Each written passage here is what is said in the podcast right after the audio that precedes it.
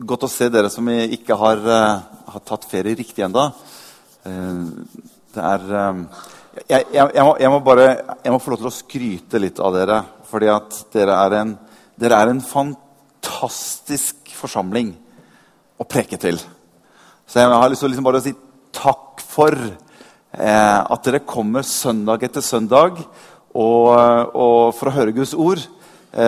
nå tror jeg ikke det er bare det man kommer på, men, men jeg opplever opplever det sånn. da, vet du. Så jeg tar jo den, ikke sant? at dere kommer her for å høre Guds ord. Men vi har jo så mye annet som er bra lovsang, og vi har så mye bra barnearbeid. Også. Men, men tusen takk for at dere er en så fantastisk forsamling å preke til. Jeg preker jo litt andre steder òg, men det kan ikke sammenlignes med å være her på hjemmebane. Og det er nesten sånn at når Dere bare drar Det er derfor jeg blir litt lang av og til. Jeg prøver å liksom bestemme at jeg skal holde meg til en halv time. Men det er sånn åpenhet for Guds ord at det liksom Ja. Eh, det er, så dere er bare helt utrolig bra å preke Guds ord til. Så det, det vil jeg at dere skal, det skal dere ha. altså. Så det er veldig veldig bra. Jeg, jeg har jo hatt den gleden av å reise mye i, i, um, i USA. Eh, og da har jeg møtt på en del skilt som står rundt omkring. Og det, det er ett skilt som, som, jeg tenkte jeg skulle bare få opp. som Jeg synes bare sånn, jeg lurer litt på hva Jeg ville ikke akkurat vært der. Men der står det altså Now is a good time to visit. Our pastor is on vacation. jeg vet ikke jeg vet ikke åssen det står til der, men uh, jeg tror ikke det er det som blir annonsert når jeg reiser på ferie, at uh, nå er det en god tid for å besøke kirka, for nå er pastoren på ferie. Så uh, ja. Det, det, står mye rart på en del skilt rundt omkring. altså, Du verden, du verden. Men det kan vi, det kan vi, ta, en, det kan vi ta en annen gang. Er dere klar for del to? Eh, vi hadde et fantastisk møte her forrige søndag. Synes, jeg synes Vi hadde en fantastisk sterk gudsnærvær. Og jeg opplevde, og vi opplevde at noe av ordet eh, går inn, og så gjør det noe med oss. Og jeg, jeg, jeg opplevde på en måte som at jeg, jeg kommer til å liksom tenke litt mer på det, men det var nesten som Herren sa til Morten. Du er nødt til å ha i hvert fall én gang om året hvor du går helt ned på dette som har med nåden og rettferdigheten å gjøre, og bare liksom synke forsamlingen din på disse tingene som er så grunnleggende og viktig i vårt liv sammen med Jesus. Eh, fordi at vi har en tendens til og noe som jeg kommer til å komme inn på litt i dag også, vi har en tendens til at vi tar tingene litt i egen kraft og i egen hånd. Vi er sånn som mennesker, men det er utrolig viktig at vi gjennom forkynnelse og gjennom undervisning av Guds ord greier å på en måte få oss til å synke oss opp imot det som er sannheten rundt dette med rettferdighet å gjøre, og rundt dette som har med nåde å gjøre. Og jeg tror det er noe av dette som David også sier, Herre, ransak mitt hjerte. Og kjenn om jeg er på den rette vei. Herre, ta tak i meg hvis jeg begynner å, å, gå litt i egen kraft og skal finne ut av tingene på egen hånd. Herre, for det er bare deg det handler om. Det er bare deg det dreier seg om. Og Derfor har jeg, har, jeg, tatt med et vers som jeg tror er viktig å få med seg, som står i Jesajas kapittel 54. Jesajas kapittel 54, for der står det i rettferdighet skal du bli Hva er det står for noe? Grunnfestet. Det har noe med å, å, ha en innsikt og en forståelse av dette. Hva går rettferdighet ut på? I rettferdighet må du, du må bli grunnfestet i din rettferdighet. Du må ikke bare oppleve rettferdigheten, men du må også bli grunnfestet i rettferdighet. Og så står det undertrykkelse skal være langt fra deg. For du skal ikke frykte for noe, og redsel skal ikke komme nær deg. Hvorfor det? Jo, fordi jeg begynner å bli grunnfestet i rettferdighet. Og så står det så fantastisk i vers 17 ikke noe våpen som er smidd mot deg, skal lykkes. Og hver tunge som reiser seg mot deg i dommen, skal du gjendrive. Dette er arven til Herrens tjenere, og deres, deres rettferdighet er fra meg, sier Herren. Ser du hvor viktig det er dette med å ha kunnskap og ha innsikt rundt disse tingene som har med, med, nåden å gjøre og har med rettferdiggjørelsen eller rettferdigheten å gjøre. Og Derfor så tror jeg at det kan godt hende at jeg kommer hvert til å ha en gang i året hvor jeg på en måte Nå må vi bare synke oss igjen. Er vi der vi skal være? Rundt disse tingene som har med nåde og rettferdighet å gjøre. Jeg snakket litt forrige søndag om hvem er du gift med. Og Da snakket vi veldig eh, eh, kort om hvordan Paulus snakker om hvordan gift med eh, hvordan Gud var gift med Israel i Det gamle testamentet, og hva som måtte til for at, for at Gud kunne gifte seg med Guds menighet. Og hvordan han på den måten kunne oppfylle de krav som står i forhold til det å være gift. Fordi at du kan ikke gifte deg med en ny mann så lenge din mann lever. Og det er noen, noen av de tingene der som, som, jeg kom inn på forrige søndag. Eh, og hvordan vi snakket om at Jesus, det han gjør, at han, han dør. På den måten så oppfyller han alle krav i forhold til det ekteskap han hadde. Og på den måten kunne han gå inn i en ny pakt som gjelder alle mennesker. Og Det er derfor Paulus sier at nå er det ikke lenger jøde. Nå er det ikke lenger greker. Nå er det ikke lenger fri eller noen trell. Vi er alle på lik linje for å ta del i den nye pakt, som er den siste, den siste pakt som kommer til å gjelde for evig tid. Som er bygget på mye bedre løfter enn de som var i det gamle pakt, i det gamle testamentet. Og det er den pakten du og jeg får ta del i. Alle får ta del i den pakten. Men det som skjer av og til, det er at vi drar med oss elementer fra den som vi var gift med tidligere, inn i det nye ekteskapet. Og så begynner vi å forholde oss til den gamle ektemannen som fortsatt prøver og ønsker å snakke til oss. Og det blir en slags form for forstyrrelse inn i ekteskapet vårt. Men du er ikke gift med den gamle ektemannen. Du er gift med Jesus Kristus. Og det er hva han står for, det er hva han har å gi deg og meg, som vi forholder oss til i det nye livet sammen med Jesus. Alt er forganget. Se, alt er blitt nytt. Amen. Det er det som er så fantastisk med Jesus. Så jeg har lyst til å si litt i formiddag om nådens og rettferdighetens virkning og funksjon i våre liv nådens og rettferdighetens virkning og funksjon i våre liv. Fordi jeg tror som jeg sa i sted, at vi har en tendens til at når vi Og det er kanskje et budskap mer til oss som har vært kristne en del år, enn kanskje de som er helt fersk og ny på veien. For det ofte er de, de, som er helt fersk og ny på veien, de har en tendens til å på en måte bevare den der førstekjærligheten til Jesus. Denne med at Jesus han er min redning. Han kom og frelste meg. Han er alt for meg. Og så vokser vi, og så tar det 10-15-20-25-30 år. Og så begynner vi liksom litt sånn og, og, liksom, Ja, vi begynner å kanskje få, greie litt ting på egen hånd.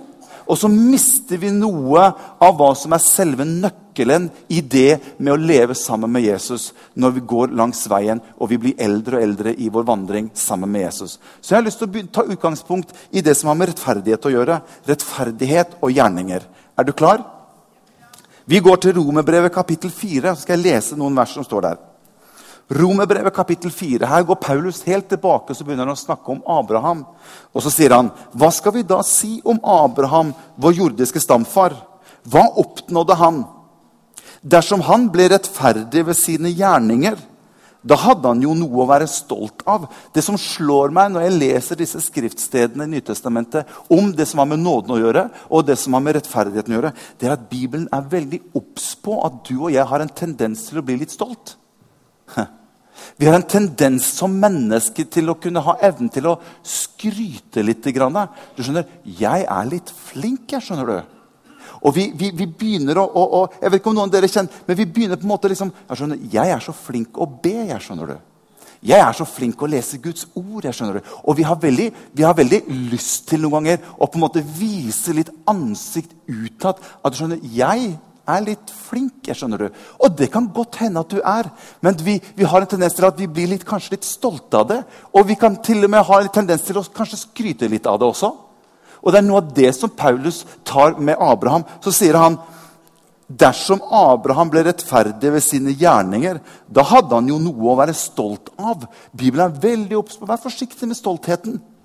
Men overfor Gud har han ikke det. Han har ingenting å være stolt av overfor Gud. For hva sier Skriften? Abraham trodde Gud, og derfor regnet Gud ham som rettferdig. Den som har gjerninger å vise til, får lønn etter fortjeneste ikke av nåde. Det er ikke nåden som gir deg fortjenesten. Og Det er her, det er her Paulus er liksom Vær litt forsiktig med disse tingene, sier han.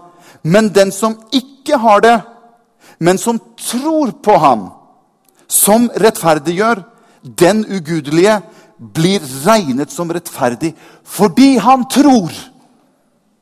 Og det kommer til å gjelde hele livet ditt og mitt. Du og jeg er rettferdig fordi jeg tror. Ikke fordi jeg gjør, men fordi jeg tror. Og det, det, det snur ikke underveis når du har levd sammen med Jesus i 25 år, at du er litt rettferdig fordi at du gjør veldig mange rettferdige gjerninger, så på en måte kan du liksom være litt stolt. fordi at du skjønner, ja, jeg har vokst som kristen jeg vet du, de siste 25 årene. Og nå begynner jeg på en måte å bli litt, litt god kristen. Og nå begynner jeg å gjøre en del gode gjerninger. Og jeg er faktisk litt stolt av det. Ydmyk som jeg er. I all beskjedenhet og ydmykhet. Vi har en tendens, og dette ligger på lur. Hør, dette ligger på lur for deg, og dette ligger på lur for meg. Og Det er disse tingene som er veldig viktig at vi er litt obs på når vi går langs veien sammen med Jesus. Hør, La oss si at det var to forretningsmenn som skulle ut på forretningsreise. Og De reiser til en by, og de skal ha møter. Én er ikke rettferdig, ikke kristen. Den andre er en rettferdig, en kristen. La oss si at han er fra Pinsekirken. da for å legge til noen liksom ekstra gode poeng på denne fyren her. Rettferdig fyr fra Pinsekirken. Disse to reiser på forretningsreise. Og den ikke-rettferdige han kommer til byen, og han har møte på dagen. og det går knallbra. Han får inn en kjempedeal, er veldig fornøyd med dagen. Kvelden kommer, og han har spist middag. Og etter middagen så tenker jeg jeg, jeg, jeg tar meg en tur og går litt. I godt humør, går ute på gaten, går langs veien og passerer noen gutter som spiller fotball. og Ballen havner over gjerdet. Og denne, denne, mannen han tar selvfølgelig fotballen og kjekt sparker den tilbake inn til gutta. Og går videre langs veien og møter en litt eldre dame som har vært og handlet og har litt for mye å bære på. Så han sier du, hvis er ok for deg, så, så, hjelper jeg deg veldig gjerne. Skal du over veien her? Ja, men da kan jeg hjelpe deg. vet du. Så finner han ut at hun bor ikke så veldig langt unna, så han tilbyr seg å hjelpe henne hele veien hjem og sette varene på plass. Kommer ut derfra og passerer en som sitter ute og tigger på vei tilbake til hotellet sitt. Og han tenker ja, ja, nei, men vet du hva, du skal, få, du skal få noen kroner av meg. Og gir denne mannen noen kroner. Kommer tilbake til hotellet og er glad og fornøyd. Så kommer broderen, som er rettferdig fra Pinsekirken. På forretningsreise. Det går ikke fullt så bra i de møtene han har. Han mister noen av de største kundene sine, noe av det største inntektspotensialet. Og etter middagen så går han ut, og han er ikke fornøyd. Han kommer forbi de gutta som spiller fotball. Den fotballen kommer over, og dritsur så sparker han bare den ballen videre.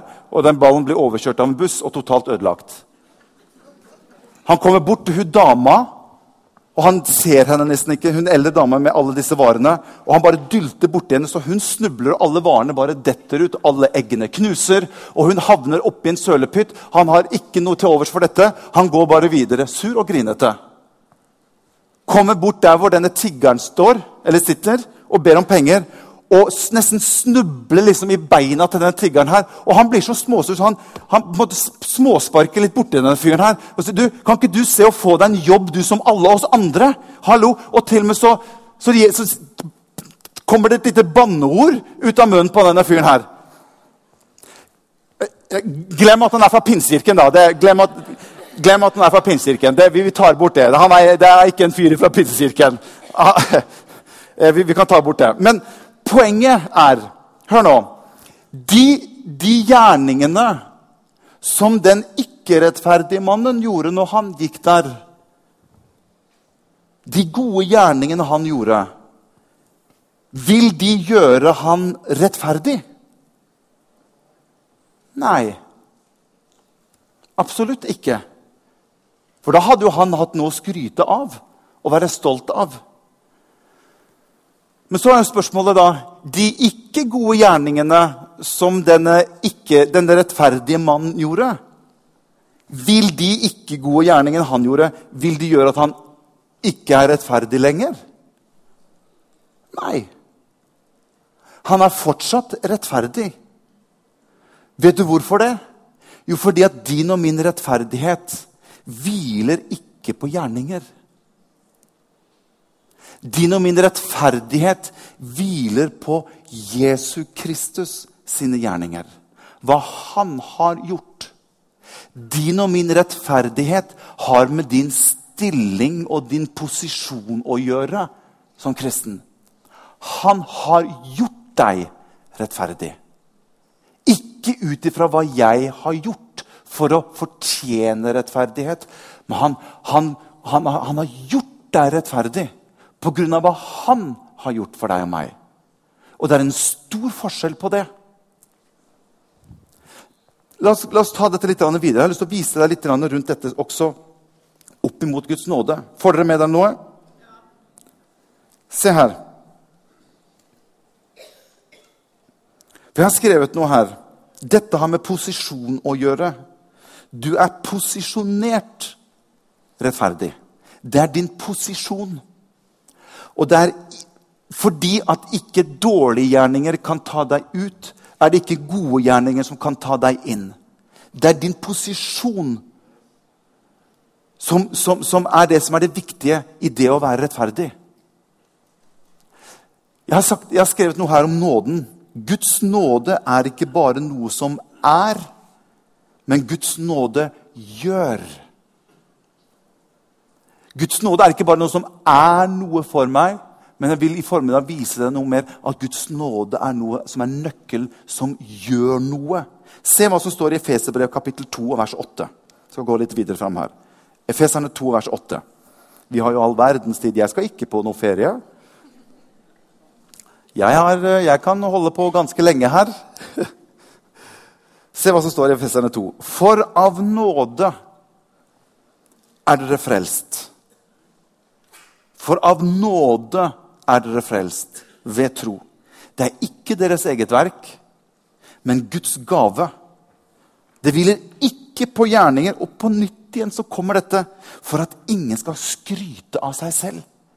Vet du hva? Noe som jeg liker lite, det er kristne mennesker som prøver å skryte litt av seg sjøl. Skjønner, Jeg er faktisk litt flink, jeg, skjønner du. Du skjønner, det, det er ingenting du og jeg kan gjøre som gjør at vi kan skryte av oss selv. Dette må vi få med oss, dere. For Ellers kan noe av en kristenarroganse komme inn over oss. Og særlig for deg og meg som har vært kristne i mange mange år. Vi blir litt gode og flinke kristne fordi at vi får det til så godt i oss sjøl. Men det hviler ikke på gjerning for at du og jeg ikke skal kunne skryte av oss selv.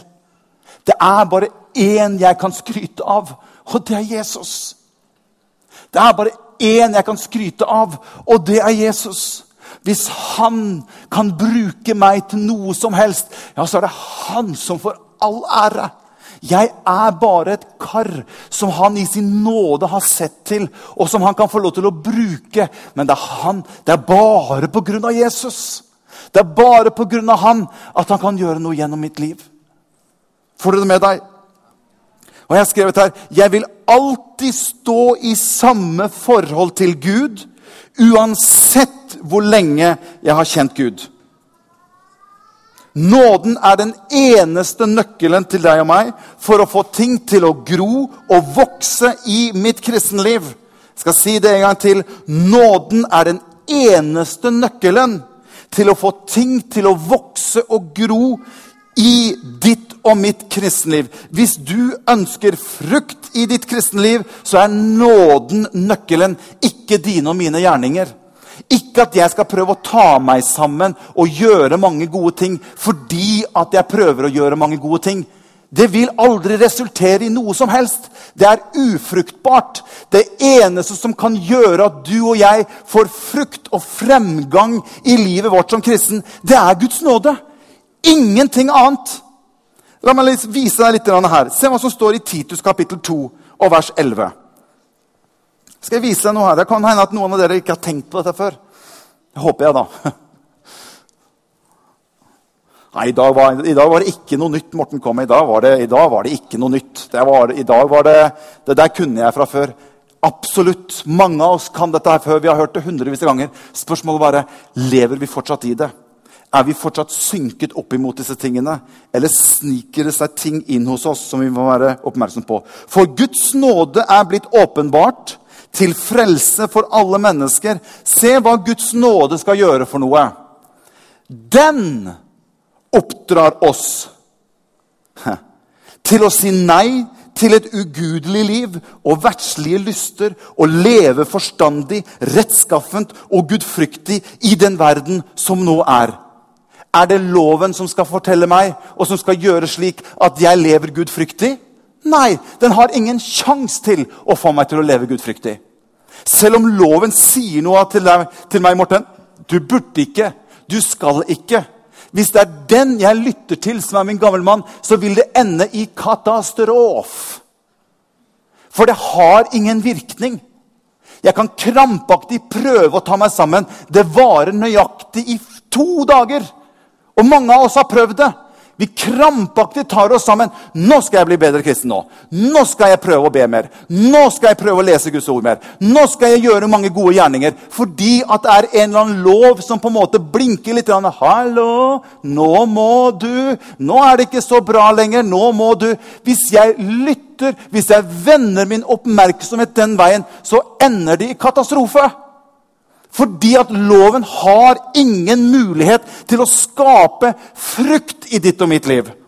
Den har ingen kraft i seg til å produsere Guds frukt hos deg. Den har ingenting i seg til å produsere noe som helst. Den kan kun peke på at du duger overhodet ikke. Og ved å lytte til den så vil du komme litt lenger ned på veien. For du kjente at det var bra i to dager. På den tredje dagen så gikk det ikke så bra. Og så bare Ja, var det jeg visste. Du er jo akkurat den samme som før. Hør, nøkkelen står her. Det er den, Guds nåde, det er den som oppdrar oss til å si nei. Det er gjennom Guds nåde i mitt liv. Det er der jeg henter mulighet til å leve forstandig, rettskaffent og gudfryktig i den verden jeg lever. Det er på grunn av Guds nåde. For det er den som har det i seg til å skape den frukten i livet mitt. Alt jeg gjør som en kristen, det skal være som en frukt av et forhold med Jesus. Ikke fordi at jeg tar meg sammen og skal prøve å prestere noe som helst. Det vil ikke holde. Jeg har prøvd det så mange ganger. Det går ikke. Og jeg vil høre på å se hva jeg sier for noe nå. Jeg vil heller la være enn å gjøre noe bare ut ifra en slags form for handling i mitt kjøtt. For jeg vet med meg selv at det går bare en liten stund, så er bare vondt verre. Men når jeg søker inn i nåden som Gud har gitt meg på innsiden, så er det den nåden som har den sprengkraften i seg til å produsere det som har med frukt og gjerninger å gjøre i mitt liv. Amen. Hvorfor søker vi da?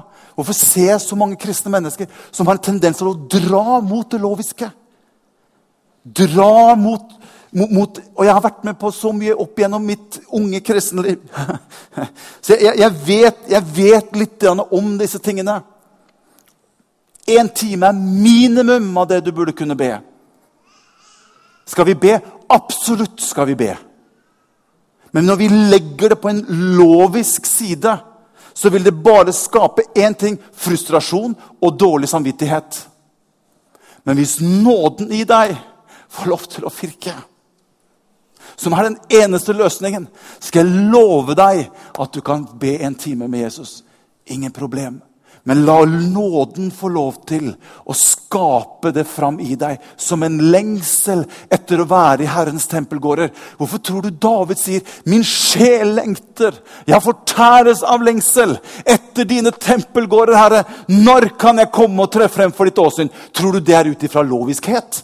Nei, det er ut ifra at livet i han får lov til å skape frem den lengselen som i seg selv drar han inn i Guds nærvær og drar han inn i bønn sammen med Jesus. Det er det utgangspunktet vi må ha. Henger du med? Jeg har skrevet her La oss si at du er ute på en båt. La oss si at du er ute på en båt, og båten kantrer. Og du faller uti, men du kan ikke svømme. Så kommer det en båt og plukker deg opp kjører deg inn til land, og du er reddet. Få se en hånd. Hvem ville vært takknemlig for den båten som kom og reddet deg? Få se en hånd. Ja, ja, sett en hånd, bror og søster. Hør. Etter hvert så lærte jeg meg å svømme litt. jeg skjønner det. Og jeg ble en god svømmer. Det som skjer litt inn i hodet mitt etter hvert som en kristen, som jeg begynner å bli god svømmer, vet du hva det er? Jeg, skjønner, jeg trenger ikke denne redningen. For, sånn, nå er jeg så flink å svømme. Så nå, nå, nå Skjønner du tanken? Det er det som skjer med veldig mange kristne som vokser opp og blir eldre og blir gamle kristne. Jeg, jeg kan, nå kan jeg svømme ganske godt. Så den redningsdelen den er jeg ikke så veldig eh, si, opptatt av. Og, og jeg trenger den egentlig ikke. Hør! Hvis jeg kjører deg midthavs spiller ingen rolle hvor god du er til å svømme. Du vil aldri greie deg likevel. Og det er det jeg tenker på. Det er det som har med den holdningen å gjøre i mitt liv. I forhold til den nåden og den gaven som jeg har fått fra Jesus. La den aldri miste sin takknemlighet. At du vet at det er bare pga. han at jeg lever. Det er bare pga. han at jeg har mulighet til å leve et gudfryktig liv. Ikke hva jeg kan få til. Ikke hvor flink jeg er, for jeg har ingenting å være stolt av. Jeg har ingenting å skryte av, Men jeg kan få lov til å gi han all ære og pris. Jeg kan gi han all ære og pris. Halleluja. Første Korinterbrev, kapittel 1, vers 30. Dere er hans verk i Kristus Jesus. Se hva som står her. er, det her er ikke mange som vet om at det står her. Jeg har snakket med flere som ikke visste at dette sto her engang. Dere er hans verk i Kristus Jesus. Se her. Hans verk. Det er nåden som har gjort dette verket i oss. Han som er blitt vår visdom. Aha. Hvor, hvor, hvor, er min visdom hen? Han er min visdom. Ikke at jeg er så vis. Han er min visdom. Vår rettferdighet. Hvem er min rettferdighet? Han er min rettferdighet. Og så står det til og med helliggjørelse her. Neimen, det skal jo ikke stå her. Det er, jo, det er jo, skal det er jo jeg som skal holde på med helliggjørelse. Det er jo, det er jo, min, er jo min jobb å, å, å, å, bli helliggjort og jobbe på, arbeide på min helliggjørelse. For da, det er jo jeg som på en måte står litt i sentrum. Nei. Se hva som står her. Hans verk. Han er min rettferdighet. På samme måte som Jesus er min rettferdighet, er han min helliggjørelse. For at ikke du og jeg skal kunne skryte av oss selv. Ja, men skal vi ikke bli mer helliggjort? Hør. Helliggjørelse er ikke for at du og jeg på en måte skal kunne skilte med at du, 'Jeg har kommet litt lenger enn deg, skjønner du, jenta mi.' Der du har kommet Ja, ja, ja, ja, ja. grei start, men eh, jeg er nok kommet litt lenger i helliggjørelsen enn det du har. Det handler ikke om meg, men det handler om han er min helliggjørelse. Jeg har min hellighet. Ikke fordi at jeg får det til, men fordi at han er hellig. Så er jeg hellig. Fordi at han er rettferdig, så er jeg rettferdig. Og helliggjørelsen har med at jeg er i han, og han er med i meg. Det er min helliggjørelse. Og når det kan få lov til å være utgangspunktet, så er det gjennom det at Jesus blir synlig gjennom mitt liv. Ikke fordi at jeg er så flink, men fordi at han er min helliggjørelse. Er ikke det et bra vers? Hør, jeg skal avslutte med dette. Dette slår seg også ut i gjerninger. Se, husker du hva vi leste i Feserbrevet kapittel 2 vers 8? Henger det med litt til? Fint. For av nåde er dere frelst ved tro. Det er ikke deres eget verk, men Guds gave. Det hviler ikke på gjerninger, starter han jo med, for at ingen skal skryte av seg selv. Men så går du til vers 11 rett etterpå. Det virker som nesten en sånn, liksom motsetning her. Så står det For vi er Hans verk, skapt i Kristus Jesus til gode gjerninger. Som Gud på forhånd har lagt ferdig for at vi skal vandre i det. Hva er dette for noe? Det hviler jo ikke på gjerninger. Men han har skapt oss til gjerninger. Hvordan, hvordan, henger dette her sammen? Jo, det er nettopp det som er hele poenget. Det er at Når jeg tar imot Jesus i mitt liv, når nåden får lov til å rotfeste seg inn i mitt liv, så er det ut ifra det at gjerningene vokser fram. Det er samme som det som jeg leste forrige søndag. at La oss da ved ham stadig bære frem for Gud vårt lovprisningsoffer. Dvs. Si frukt av lepper som priser hans navn. Det går an å prise Guds navn uten at hjertet er med. For det sa Jesus som fariseerne. Disse sier han, de ærer meg med leppene, men hjertet deres er langt borte fra meg. Det er det som er hele forskjellen. Men du og jeg som mennesker vi har så lett for å se på den ytre fasaden. 'Å, han der han er en veldig hellig mann. Han der å, han er en rettferdig mann. Se på han, han er jo, oi, oi, oi. Og I gamle dager hadde vi jo de store, svarte biblene som vi kom med. vet du.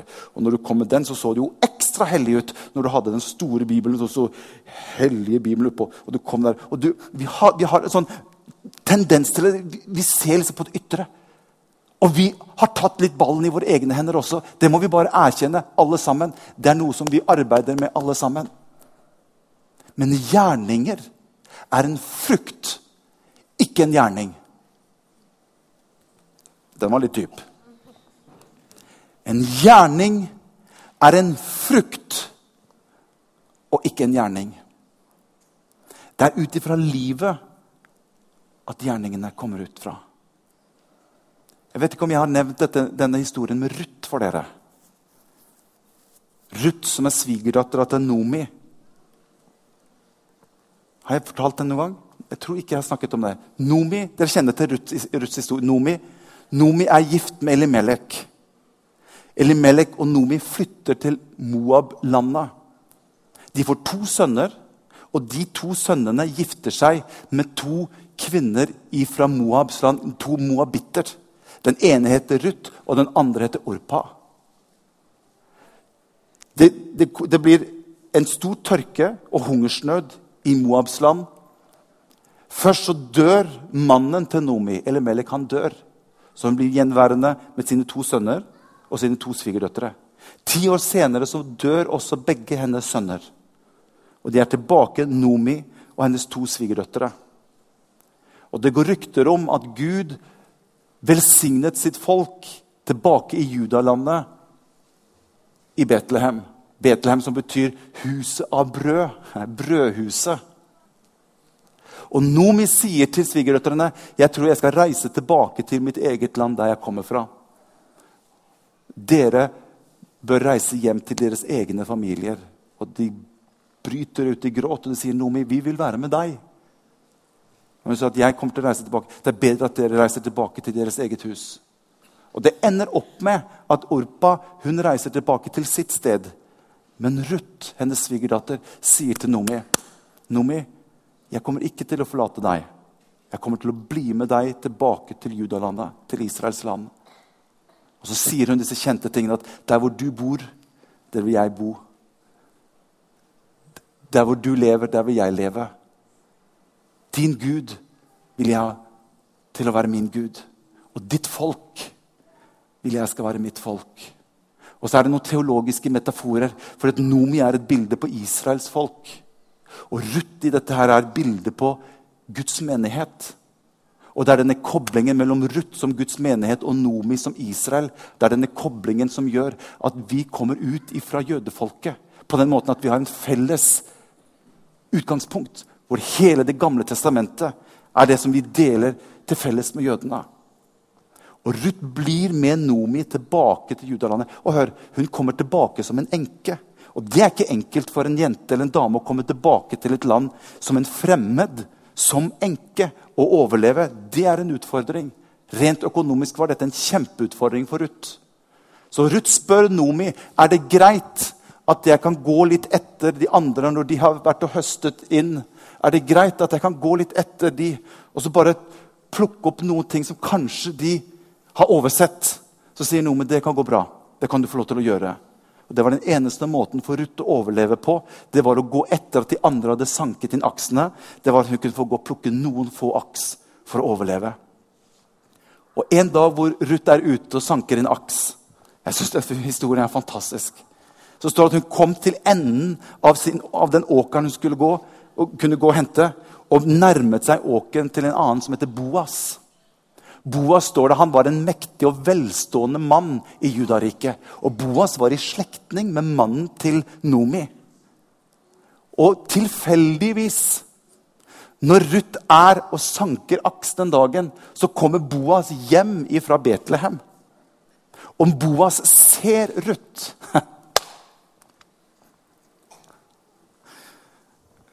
Og Boas får godvilje for denne jenta som var ute på åkeren. Og sanker, og han spør sin tjeneste hvem er hun der borte. Så sier han at hun er en moabitt. Hun ble med Nomi tilbake fra Moabs land. Og Boas fikk så godvilje for Ruth.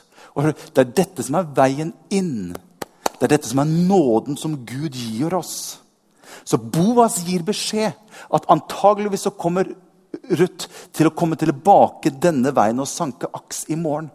Så sier Boas til sine tjenestefolk når dere sanker aks i morgen, så vil jeg at dere skal la den ligge igjen, ferdig, plukkede aks. Ikke ta det med dere, bare gjør det klart. Slik at når Ruth kommer, så kan hun bare ta med seg ferdig plukkede aks mens hun går og sanker inn. Og det er nettopp det som skjer. Ruth begynner denne dagen. Det er bare det som er Guds godhet. Det var ikke Ruths fortjeneste. Men det har noe med at når han kaller oss inn til ferdiglagte gjerninger som han på forhånd har lagt ut for oss, så kommer Ruth, og så ser hun Oi, her er det jo ferdig plukket aks. Og hun plukker det opp og går et lite stykke til. Her er det jo en ny bunke med aks. Og hun holder på. Hun får så mye at hun greier ikke å ta imot all den godhet som Boas ønsket å gi til Ruth. Det er det som er Guds nådes handling. Det er det nåden gjør for deg og meg når du kommer inn i den. Det er den som gjør at gjerningene ligger på forhånd klar for deg og meg hvis vi forholder oss i nåden som han har. Det er ikke da noen som andre som får noen, det er ikke noen andre som får fortjenestene for det, men det blir bare Gud som får fortjenestene for mine gjerninger. Det er bare frukten som ligger der fordi at han er god mot meg. Halleluja. Er ikke Gud god? For en nåde vi har fått! Fantastiske Jesus som har kalt deg og meg til fellesskap med seg selv. Slik at vi kan få lov til å vandre i ferdiglagte gjerninger. Som ikke er et krav, som ikke er en lov, som ikke er et bud, men som er en ferdiglagte gjerninger fra hans side, ut ifra sin godhet mot deg og meg. Velg å tro det. Velg å leve det slik. Og se på han slik at han har godhet for deg. Halleluja. Vi skal gå inn og så skal vi dele nadvær sammen til slutt. Det står et vers i Romerbrevet kapittel 3 og vers 23. Dere som, del, som skal dele ut nadvær, dere kan få lov til å gjøre dere klar. Halleluja.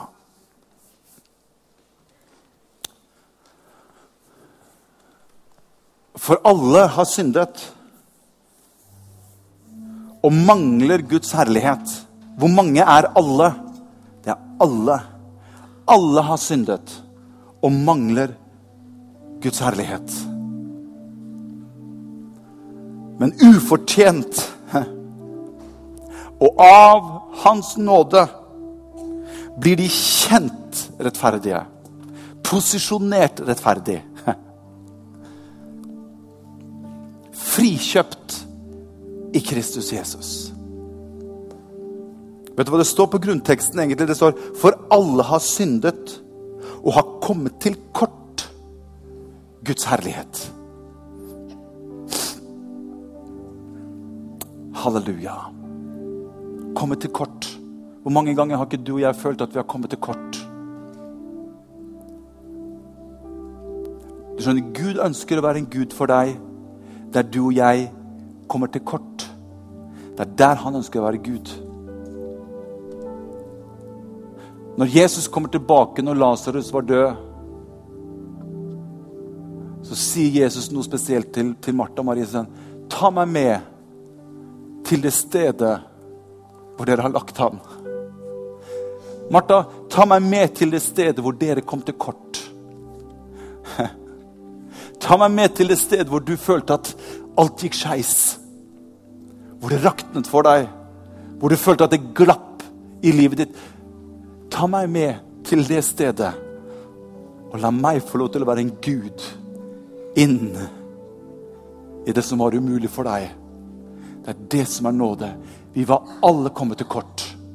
Men Jesus kom, og så gikk han inn der, for du og jeg hadde kommet til kort. Og så ble han til liv for oss. Halleluja. Halleluja. Halleluja.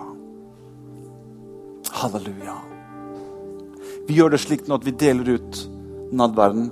Dere kan bare begynne, så deler vi ut. Sender vi det innover. Og så er det et godt, et godt triks er at du gir den fra deg før du tar selv. Det kan være greit. Så bare begynn å gi innover i radene, så tar, gir du videre brettet, og så tar du til deg selv.